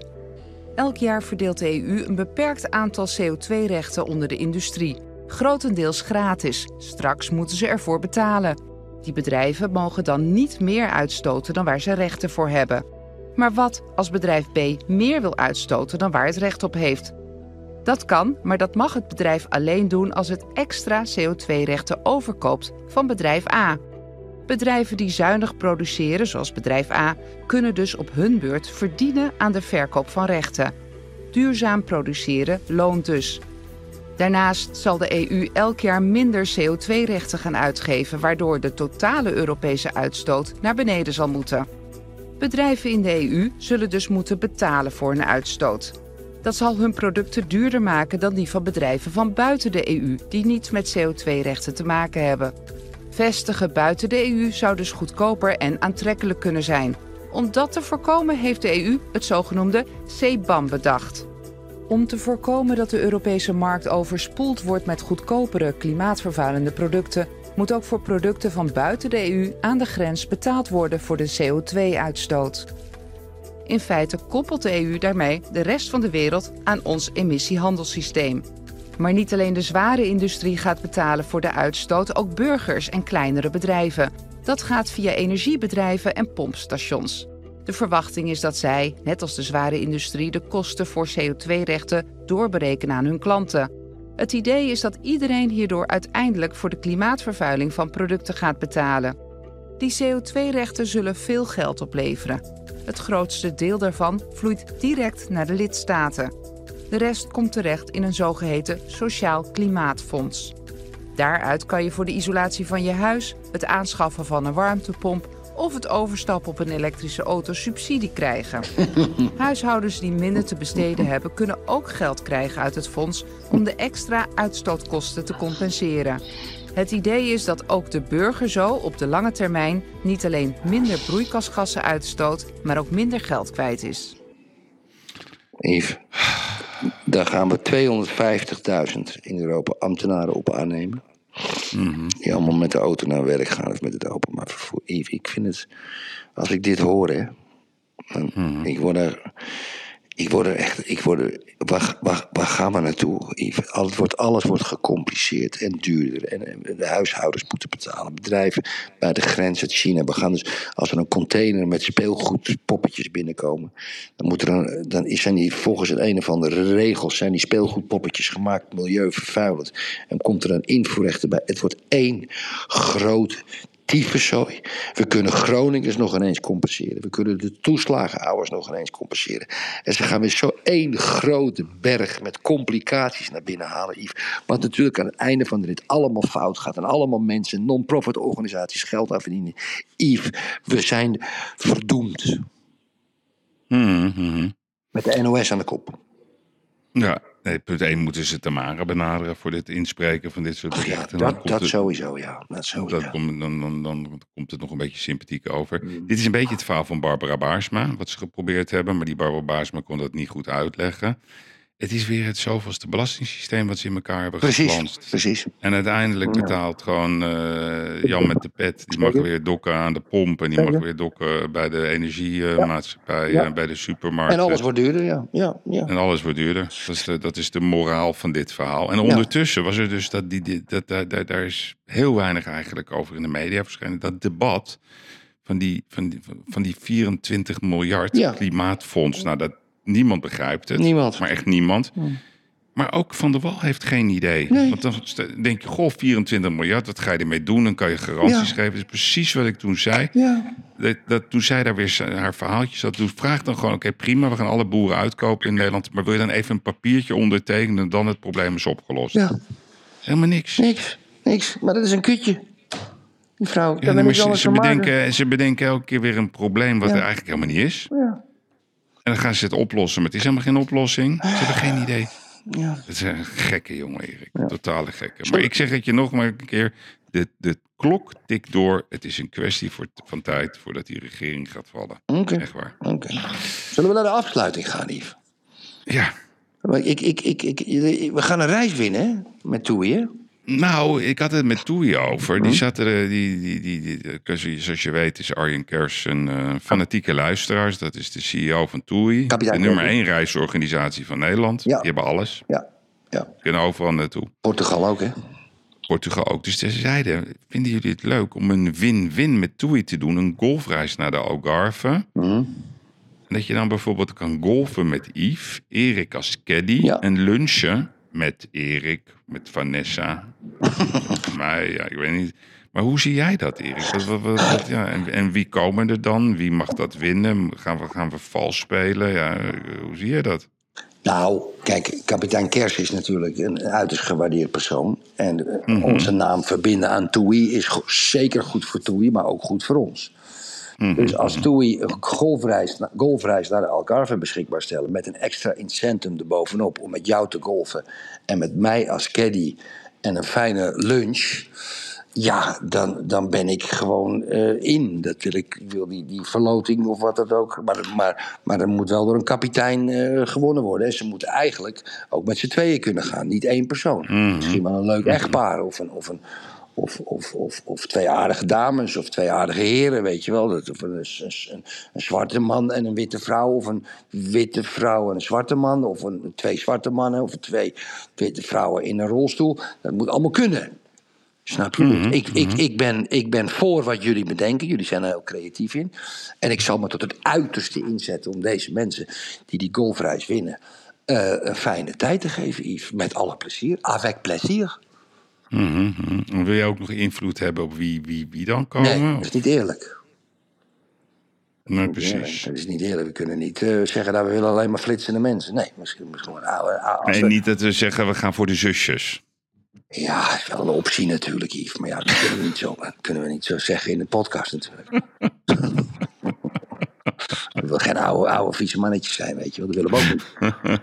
Nou, ja, jij bent misschien een oud viesmannetje. Ik, Erik, ik, ik, ik, ik ben net een soort nieuwe ken. Ja, die zuurstof, hè, dat is toch wat. Ja. Ja. Dat, als dat zo doorgaat. We, is dat niet, kunnen we dat niet introduceren in, in Algarve? hè? Maar openen we een paar van die centra's. Ja, dat is fantastisch, Erik. En, dan, dat doen we, en dan gaan we ook Mourinho ineens zo'n zuurstoftank doen. En dan opeens kom jij, ja, sorry, we have a problem. Kijk, stikstof krijgt hij van me. Ja. Nou, oh, dat doen we niet. hey, Erik, nog Ja. even, ja, te- terwijl we de podcast doen. eh, vandaag ja. is ook die uitspraak over Richard de Mos, hè? Hoe is dat gegaan? Hoe gaat dat? Even kijken. Ja, even kijken. Goed, ja, Yves, dat je dat noemde. Dat was ik vergeten. Tenminste, ik was het niet vergeten. Ik las het vanochtend. Ik zeg, dat moeten we doen in de podcast. Oh, hier. Kijk eens, donaties waren niet met kwade opzet. Er zijn nu kijk, je kan wel een beetje afleiden wat. eh, ja, Mos. Ik denk dat het, eh, als ik het zo lees nu, wat er nu aan Twitterberichten, zeg maar, de ronde gaat. Dan denk ik, Erik. Dan denk ik. Even kijken hoor. De rechter stelt dat partijbelangen en het politieke proces ook een rol spelen. De kwade bedoeling kan worden ingekleurd, maar dan is de context belangrijk. Eh, zijn meer dan wenkbrauwen gaan fronsen bij bespreking van dossiers. Het gaat om verschillende dossiers in het proces. De kwade bedoeling kan dus eventueel worden afgeleid aan de tegenprestaties. De rechtbank heeft zich wel de vraag gesteld of de bewijswaardering hier dan niet ophoudt. Kan er überhaupt nog sprake zijn van ambtelijke omkoping? Nou, ik, als ik dit zo lees eh, uit het dossier, blijkt zeker dat de Mos hard loopt voor zijn stad, maar zeker voor zijn achterban. Nou, Erik, dit gaat een zachte dood sterven als ik dit zo lees. Taakstrafje misschien? Nog niet eens. Geen idee. Ik kan het niet, ik kan het niet zien. Het ziet er onschuldig uit als ik het zo lees. Dat zou ook wat zijn. Hè? Die man helemaal voor zijn leven besmet. Geradicaliseerd. Neergezet als een, als een half eh, mislukte. Nou. Arjen Paardenkoper, Erik. Schadeclaim. Ja. Dit is een mooie schade. Hey, trouwens, rij je niet te hard, want er was een luisteraar. Die was, eh je begon over dat we ons allemaal aan de wet moeten houden en niet te hard rijden. Maar jij zegt in de podcast, ongeveer om de week, dat je als je naar Lissabon rijdt, eh, 200 kilometer plus rijdt met je Audi. Ja. Ja, ja. Eh, dus hoe zit dat? Mag dat? Nee. nee, nee, daar heb ik ook spijt van af en toe. Maar ik zit er nog van de mus. Ja, maar dat is. Nee. Kijk, eh, je hebt, je, je- hebt hier een zesbaansweg waar nooit iemand op rijdt. Dus anders dan als je in Nederland maar, rijdt. maar het mag niet. Nee, maar ik, ging, ik, ging, ik, ik moest naar Nee, varen. maar om je houdt je niet aan de wet. En, en ik reed met 165 kilometer per ongeluk. Een politiewagen. Er Oh, waren oké. drie politiewagens. En die reageerden geen eens. Heb jij ook zo'n zo, zo van die blauwe zwaailichten voor geval van nood? Nee, dat, dat, ik wilde wel zo eentje gaan kopen eigenlijk. Want ik heb zo'n blauwe Audi. Ik ken twee mensen die hadden zwaailichten. Dat is één is voor Jip. Die, had dat, eh, die had dat echt. echt. En twee, Erik. Dat was mijn eh, oom. Dat was de, de broer van eh, de vader van mijn moeder. Die helaas door de Duitsers is afgemaakt. Dat waren zes broers. En een van die broers woonde in Knokken in België. En die had dus in Knokken. En dan was ik heel jong, zes, zeven jaar. Zei die, en ik kon heel goed met hem. En die had van die zwaailichten, Erik. Als er een file was. Fantastisch. Oh ja. Had hij toestemming voor gekregen. Oh, toestemming ook nog. Ja, dat Ja. mooi. Ik heb ook, weet je dat ik van de politie heb ik ooit, eh, ik heb in, ja, ik weet niet meer het jaartal, maar we hadden iets heel goeds gedaan. eh we hadden ze ergens mee geholpen. Dat was een hele issue bij de RAI. Toen heb ik een, eh, een, een penning gehad. Die heb ik altijd bij me. Politiepenning. Oké. Kan handig zijn hoor. Oké, nou. Goed jongens, nou, ehm, ik, eh, het het weer een fijne podcast, Yves. Eh, Ja. Lekker. En eh, we gaan, wat ga ja, weekend, ja. was hij weer, weer een van de beste ooit. ja, ja. Ja. Van verleden week veel reacties over. Mensen zijn wel blij ermee. Goed, we hebben een Ja. mooi systeem gevonden. Mooi systeem gevonden. Lieve vriend, ik ga naar Vanessa toe. Ga jij naar Vanessa? Ja, en, en ik eh, kijk of ik nog een beetje in de rente kan pulken. Ze gaat ons wat centjes lenen op zes appartementen. En that's it. Ik ga even aan de dames vragen of er nog wat verkocht is. We hebben goede, het loopt allemaal. Ik heb, je weet je ook van mij dat ik, dat ik hele Hotel Rob eh, drie dagen lang heb in juni. Ja, lekker. Voor een eh, zomerse editie. Het loopt als een tierenlier, Erik. Goed zo. Ik hoop dat je er bent dan een keer weer. Eh, wanneer is dat juni, hè? Ja, 21 Ja. juni. Dat is de Ja, langste dag wel. van het jaar. Ja, Ja, ik denk het gezellig. wel. Ja, ik denk het wel. Ik denk het wel. Ja, dat wordt heel, heel leuk, Erik. En eh, ja, zondag, ik ga wel naar. Ik, ik ben uitgenodigd door eh, Pieter van der Leegte. Dat vind ik wel leuk van VDO. Leuk, leuk, leuk, leuk. Zou ik hem de groeten doen, die ouwe? Ja, ik heb hem in contact gebracht met mijn broer, want die heeft al die zonne-energie. En dan moet je precies vertellen, mijn broer heeft mailcontact met zijn mensen gehad. Nou, die, ah, die, die hoofdverkoop moet hij ontslaan, hoor. Oké. Ja, mijn broer wilde gewoon zo'n ding eh, aanschaffen. Die is heel geïnteresseerd. Die gasten zijn Stuur niet je mij even zo'n brief dan? Dat, dat doe ik daar. Dan neem ik gewoon mee. Zo'n ontslagbrief. ik zat naast hem en toen heb ik met hem gepraat op, je, op, op de Masters Expo. Ik zeg, mijn broer, die wil energie opslaan, want die heeft 10.000 meter zonnecellen op zijn dak, op, zijn- op ons bedrijf in Haarlem. Ja. Dus, hij, dus die, maar die verkopers zijn niet geïnteresseerd, joh. Hm. Hij heeft slechte Ja, maar stuur mij dan even die ontslagbrief met de naam erbij. Dan overhandig ik dat zondag. Dat lijkt me niet meer dan correct. Ja, het is een ziek idee. Hey, dus eh, ik, ik, ja, goed aan de notaris, Erik. Ja, ik ging een beetje ver, want ik was toch even teleurgesteld over de Mourinho-opmerking. Maar eh, Mm. ja, dat deed mij wel pijn. En ehm, ja, we gaan, jongen, luisteraars, een mooie week. De- Het schijnt weer, eh, zaterdag wordt het warm en dan wordt het weer heel koud. Dus Mm. niet zo grillig als het weer. En Gerrit Hiemstra. Hartstikke idee. Fijn weekend, lieve mensen. Fijn Dag weekend allemaal. Bye bye. bye, bye.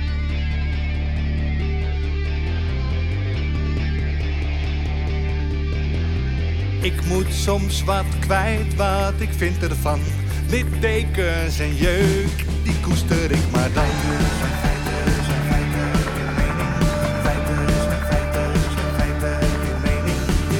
Duidelijk en luid, riemen vast vooruit.